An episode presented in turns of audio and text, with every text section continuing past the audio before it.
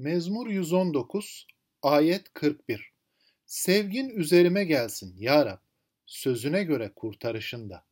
Tanrı'nın sevgisi merhametle etkin olan bir sevgidir. Ve bu sevgi Tanrı'nın kutsal antlaşmasına dayanmıştır.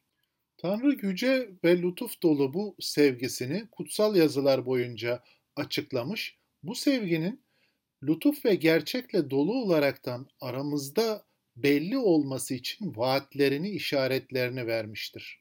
Bu kısa dua bize Tanrı'nın sevgisinin ne kadar güçlü olduğunu gösteriyor. Tanrı'nın sevgisini çağırıyor ve buradan bir kurtuluş umut ediyor.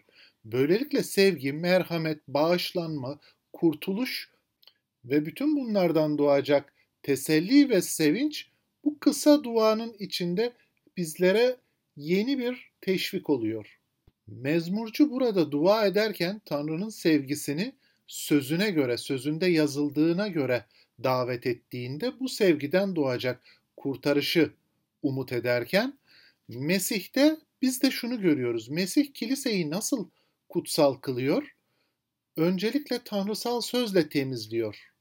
Ve bu sözlerinin gerçekliğini çarmıhta sonsuza dek mühürlenmek üzere kutsal kanıyla mühürlüyor.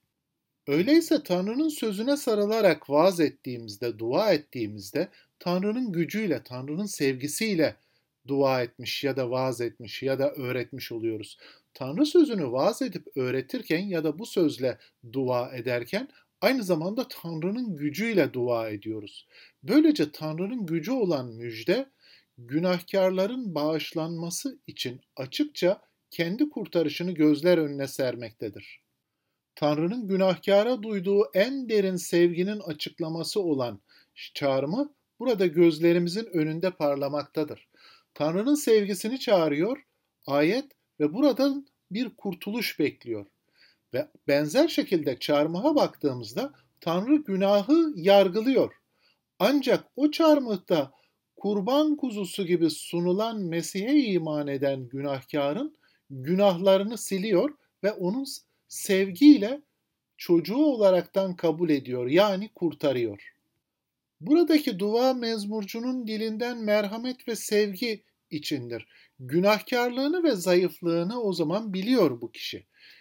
Ya da bir başka açıdan ifade edersek günahkarlığını ve zayıflığını unutaraktan duaya gelenlere temelde esas ihtiyacının sevgi, merhamet ve bağışlanmak olduğunu göstermeye çalışıyor. Böylece Tanrı'nın beden almış diri sözü olan Mesih'i tanıdığımız ve kurtuluşumuzu öğrendiğimiz müjdeye olan ihtiyacımız da burada açığa çıkıyor.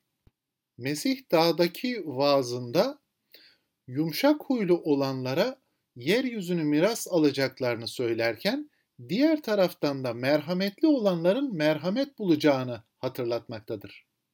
Yani Tanrı sözü burada bize şunu göstermeye çalışıyor. Merhamete ihtiyacı olan herkes Tanrı'nın merhametini alabilir.